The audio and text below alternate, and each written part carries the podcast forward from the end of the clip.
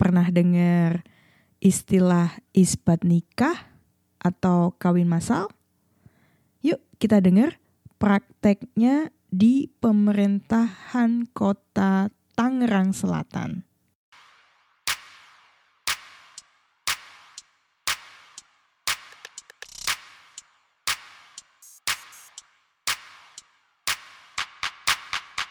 Salam saudara-saudari, selamat datang di podcast Hakim Cilik, di mana kalian bisa belajar hukum Indonesia dengan bahasa yang mudah dimengerti oleh orang awam. Setiap hari Minggu, waktu Indonesia, bersama Hakim Cilik Niken Astari Carpenter. Yuk, belajar hukum!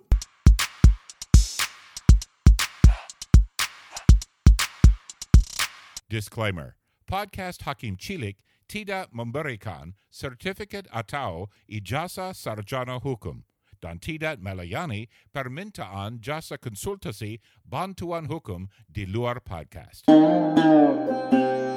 Episode 5 Teman-teman, episode kali ini adalah lanjutan daripada episode yang kemarin. Masih bersama dengan Ibu Ita Kurniasi. Uh, Ibu Ita ini adalah kepala sub bagian bantuan hukum dan HAM pada bagian hukum Sekretaris Daerah Pemerintah Kota Tangerang Selatan.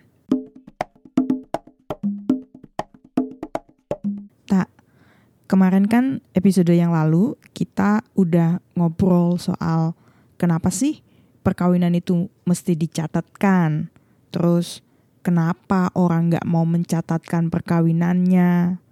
Terus dampaknya apa perkawinan itu kalau tidak dicatatkan.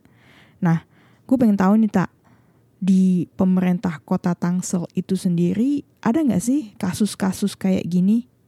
Nah, kalau terjadi di Tangsel itu ada datanya gini, datanya itu uh, Tangsel itu punya program isbat nikah. Jadi uh, banyak kita kan Tangsel ini gue cerita sedikit tentang Tangsel ya. Mm-hmm. Tangsel ini jumlah penduduknya 1,7 juta. Mm-hmm. Dan Tangsel ini wilayahnya mm-hmm. 20 km dari ibu kota Jakarta boleh dibilang dekat. Hmm. Hanya 20 kilo dari Jakarta. Terus saat penduduk 1,7. Dari penduduk 1,7 pasangan nikah itu uh, berkisar di berapa ya? 800 800 kalau nggak salah 800 data tahun 2019 800 ribu 800, apa 800 juta 800 ribu 800 ribu, 800 ribu. Hmm. Tapi yang tercatat hmm. itu cuma 50 persennya. Nuh, kok bisa? Tercatat tuh artinya gini. Nah itu dia. Uh, bisa juga mereka itu memang tidak menyampaikan dokumen untuk pencatatan ke Dukcapil misalnya. Itu kan data-data dari Dukcapil ya, dari Dinas Penduduk dan Pencatatan Sipil. Mm -mm bisa juga secara administrasi pendokumentasiannya dia tidak tidak kirim ke dinas dukcapil. Tapi bisa juga memang dia belum mencatatkan. Gitu. Terus uh, program isbat nikah ini gimana? Nah jadi itu ada dua poin.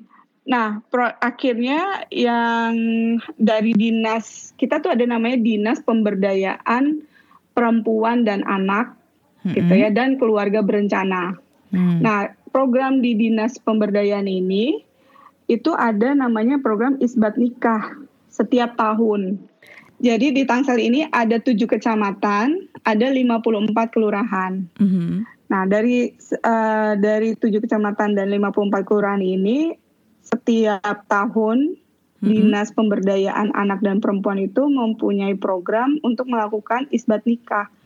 Untuk tahun 2019 aja ada 100 pasang atau 200 orang. Itu tak, per tahun 2019. Tak yang yang dengerin ini kan nggak cuman orang Islam ya gitu. Lu bisa nggak jelasin isbat nikah itu apa sih? Oh, isbat nikah itu artinya adalah menikahkan kembali. Uh, kalau yang sebelumnya dia mungkin akad nikahnya di bawah tangan. Kalau ini di depan penghulu. Dan langsung depan dicatatkan penghulu, ya. Dan langsung dicatatkan. Jadi kita bekerja sama dengan Kementerian Agama atau kantor wilayah uh, kantor catat apa kantor Dukcapil. kantor bukan, bukan. Dukcapil, Kemenak kantor kantor catatan apa kantor agama uh, wilayah Tangsel gitu. Mm-hmm. Kanwil, kanwilnya Kemenak, kanwilnya Kementerian Agama. Mm-hmm. Kita kerjasama dengan mereka. Jadi uh, pasangan suami istri dinikahkan kembali di depan penghulu secara massal. Kawin massal. Iya, kawin massal. Iya, betul. Gratis nggak ini? Gratis itu orang kalau pengen mencatatkan perkawinannya melalui program isbat nikah kota Tangsel ini gimana caranya tak? Ini siapa tahu ada para pendengar yang tinggal di Tangsel. Ini di kelurahan, jadi kita itu menggunakan tangan kelurahan. Nah kelurahan nanti yang mendata, jadi dia lapor dulu ke kelurahan. Ya biasanya tingkat RT RW terus kelurahan ya. Sebelum sampai ke kelurahan ya RT RW biasa dia uh, ke apa dapat surat pengantar dari RT RW terus baru ke kelurahan. Nah dia lapor ke situ. Uh-uh. Nah nanti kelurahan menyampaikan ke tingkat kecamatan, kecamatan menyampaikan ke dinas pemberdayaan perempuan gitu. Gue gue tertarik gini nih tak dalam dalam prakteknya itu uh, ketika orang itu melakukan isbat nikah itu uh, perkawinannya tercatat sejak dilakukannya isbat nikah atau sejak eh, retroaktif gitu ke belakang sejak mereka menikah pertama kali itu? Gimana? Uh, dia tidak retroaktif. Tidak retroaktif. Pencatatannya pada saat itu. Pencatatannya pada saat itu. Oh gitu. Ya, ya, Jadi ya. memang ada kan pasangan udah tua-tua kan. Iya, uh, uh. gue liat TV tuh kayak gitu. Betul. Uh -uh. Janda duda gitu ya. Uh -uh. Janda duda yang awalnya nikah siri doang, terus uh, akhirnya dia isbat nikah lagi, dia punya buku nikah, ya dicatatkan di tahun itu. Karena kan penghulunya nggak mau me mengakomodir uh, pernikahan eh, pernikahan yang sebelumnya gitu loh. Maksudnya perbuatan hukum yang dilakukan sebelumnya itu. Uh, uh, penghulunya nggak bisa nggak bisa menerima itu gitu. Maksudnya nggak bisa. Takut ada hal-hal yang uh, tidak bisa dipertanggungjawabkan gitu loh. Ngerti ya? Jadi isbat nikah itu tidak berlaku surut ke belakang. Oh I see. Itu menarik itu. Mm -mm. Ya ya ya menarik terus, ya terus, uh -uh. ini belum pernah ini belum gue belum pernah nih gue datengin. Hmm. gue aja rencana pengen gitu ya pas ada program ini lagi dilakukan program ini gue mau datang karena gue mau lihat gitu di prakteknya. Waktu itu gue sempet uh, udah janjian eh nggak jadi. Ah sayang. Karena kan gini ya dari perspektif uh, gue uh, ngelihatnya kan harta bersama misalnya harta bersama itu kan harta yang diperoleh suami istri selama pernikahan berlangsung. Artinya kan begitu pernikahan dicatatkan der ke depan harta campuran otomatis di Indonesia kalau tidak ada perjanjian pernikahan. Nah, mm -mm. ini hartanya dihitung mulai dari mereka menikah yang di bawah tangan itu atau hartanya dihitung sejak dicatatkan itu gitu loh.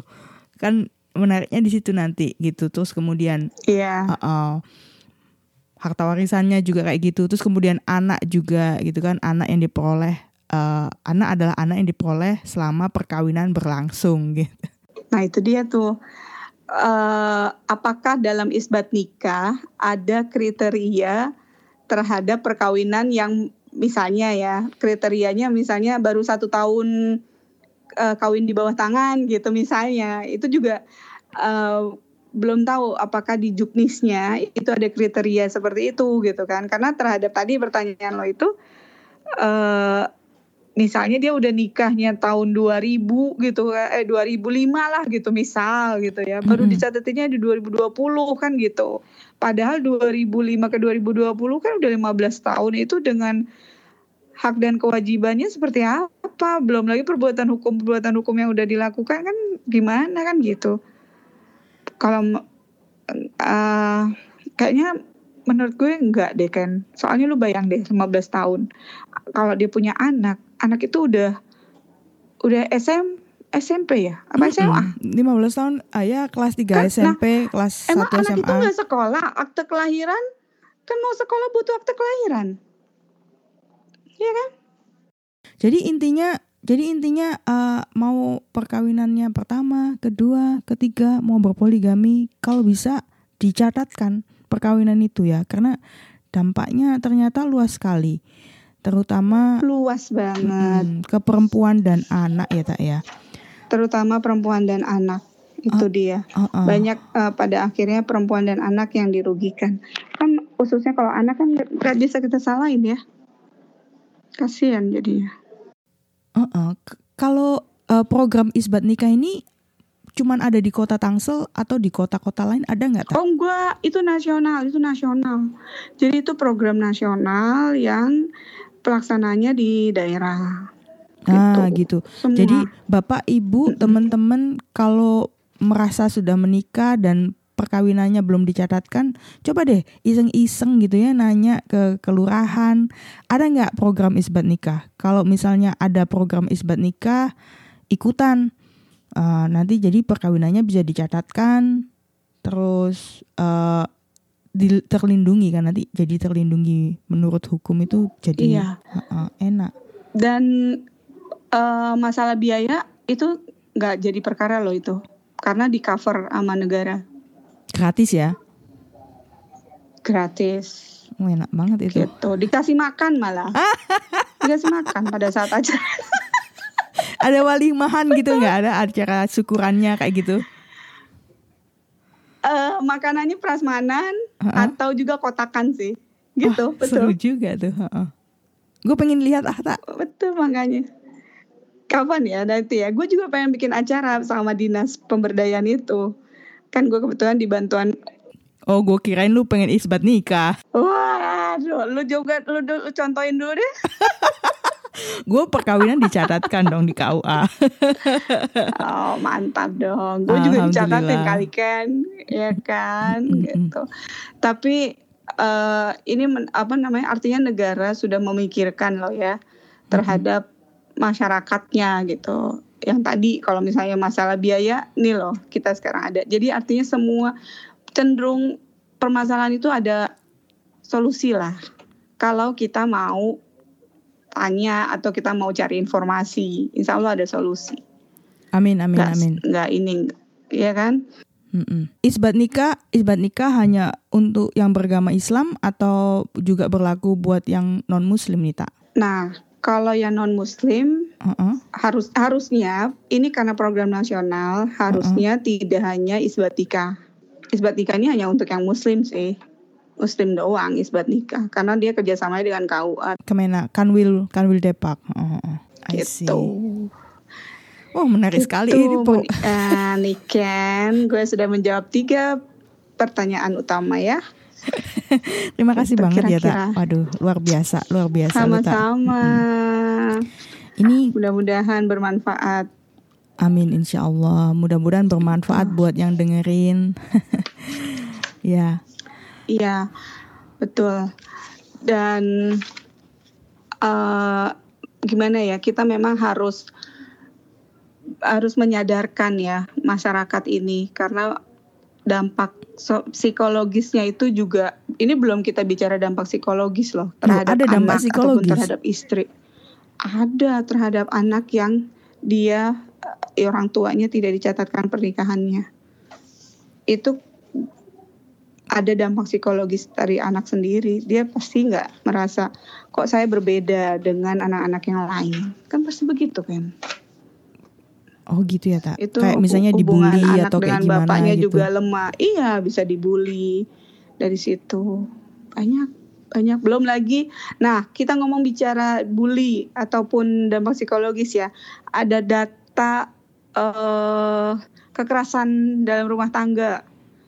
Itu per 2019 di Tangsel Mm-mm. itu kekerasannya yang terjadi itu adalah kepada anak. Anak yang Hampir anak dari yang ter- pengaduan anak yang yang yang yang dilahirkan di luar eh, perkawinan itu tadi atau gimana? eh, beragam ya, beragam. Beragam. mm. Tapi kekerasan terhadap anak di dalam rumah tangga itu tinggi sekali. Hmm. Kalau mau dicek lagi apakah ini terhadap perkawinan yang tidak dicatatkan atau terhadap perkawinan yang dicatatkan memang belum terbagi tuh. Tetapi di 2000 angka 2019 itu tingkat pengaduan terhadap kekerasan terhadap anak dari jumlah pengaduannya ada 100, 80-nya itu ke, ke uh, kekerasan terhadap anak. Wow. Bayangkan. Iya, iya, iya. Dan dalam rumah tangga. Kalau gitu. kalau kekerasan terhadap nah, uh, perempuan sendiri gimana? Itu terperingkat kedua. Setelah anak baru peringkat keduanya terhadap perempuan. Gitu. Luar biasa. Nah, kekerasan terhadap perempuan ini data yang kemarin gue dapat info dari uh, dinas pemberdayaan anak dan perempuan, hmm. kebanyakan adalah perempuan-perempuan yang memang uh, statusnya istri kedua. Oh, ya Allah. Okay, Itu okay. banyak terjadi kekerasan. Gitu. Itu salah satu eh, implikasinya ke situ juga. Nah, sekarang ditambah lagi COVID. Wah, gimana COVID itu, ini hantaman yang luar biasa. Seka, uh, kemarin ini kita COVID nggak bisa ngedet nggak bisa ngedetek nggak punya data kita COVID karena kan kita susah ya mau ketemu orang kan dibatasi itu karena COVID. Jadi 2020 boleh dibilang data itu nggak uh, bisa apa nggak bisa keambil gitu ya. Nggak orang nggak usah data nyari data. Orang bikin acara juga kita susah kan gitu.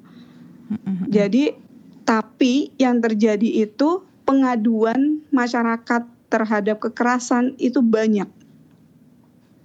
Di 2020 di 2020 baru okay. 2020 ah di 2020 baru di ter uh, di di bulan 6 bulan ke-6 artinya di tengah tahun itu tingkatnya tinggi banget kalau kita ngelihat dari pergerakan uh, kurvanya dari tahun yang sebelumnya kalau 2019 itu kan uh, dia misalnya terjadi pergerakannya di awal apa di semester pertama atau nanti di semester terakhir. Kalau ini dari pertama sampai ke semester tengah semester itu tinggi banget pengaduannya.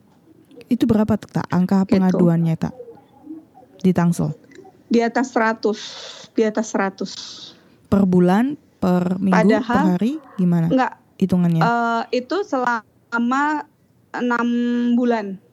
Selama enam bulan. Jadi kalau kalau di tahun 2019 itu satu tahunnya 100 gitu. Tapi Heeh. di tahun 2020 menjadi 100 baru di enam bulan. Baru di enam, di enam bulan aja udah 100 udah di atas 100 pengaduannya. Wow.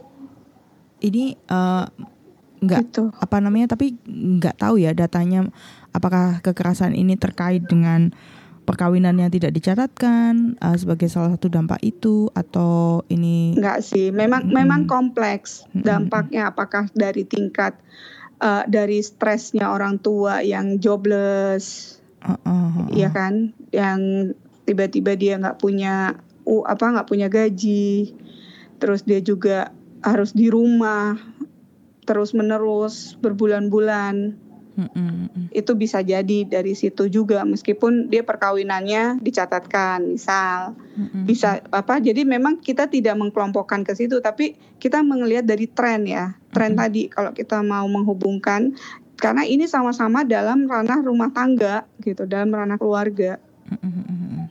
gitu memang kompleks permasalahannya tidak semata-mata karena pernikahan yang tidak catatkan doang tapi di covid zaman covid ini eh, jadi tingkat kekerasan tuh tinggi banget. Hmm. dan tingkat perceraian nah gue belum cek tuh kalau tingkat perceraian.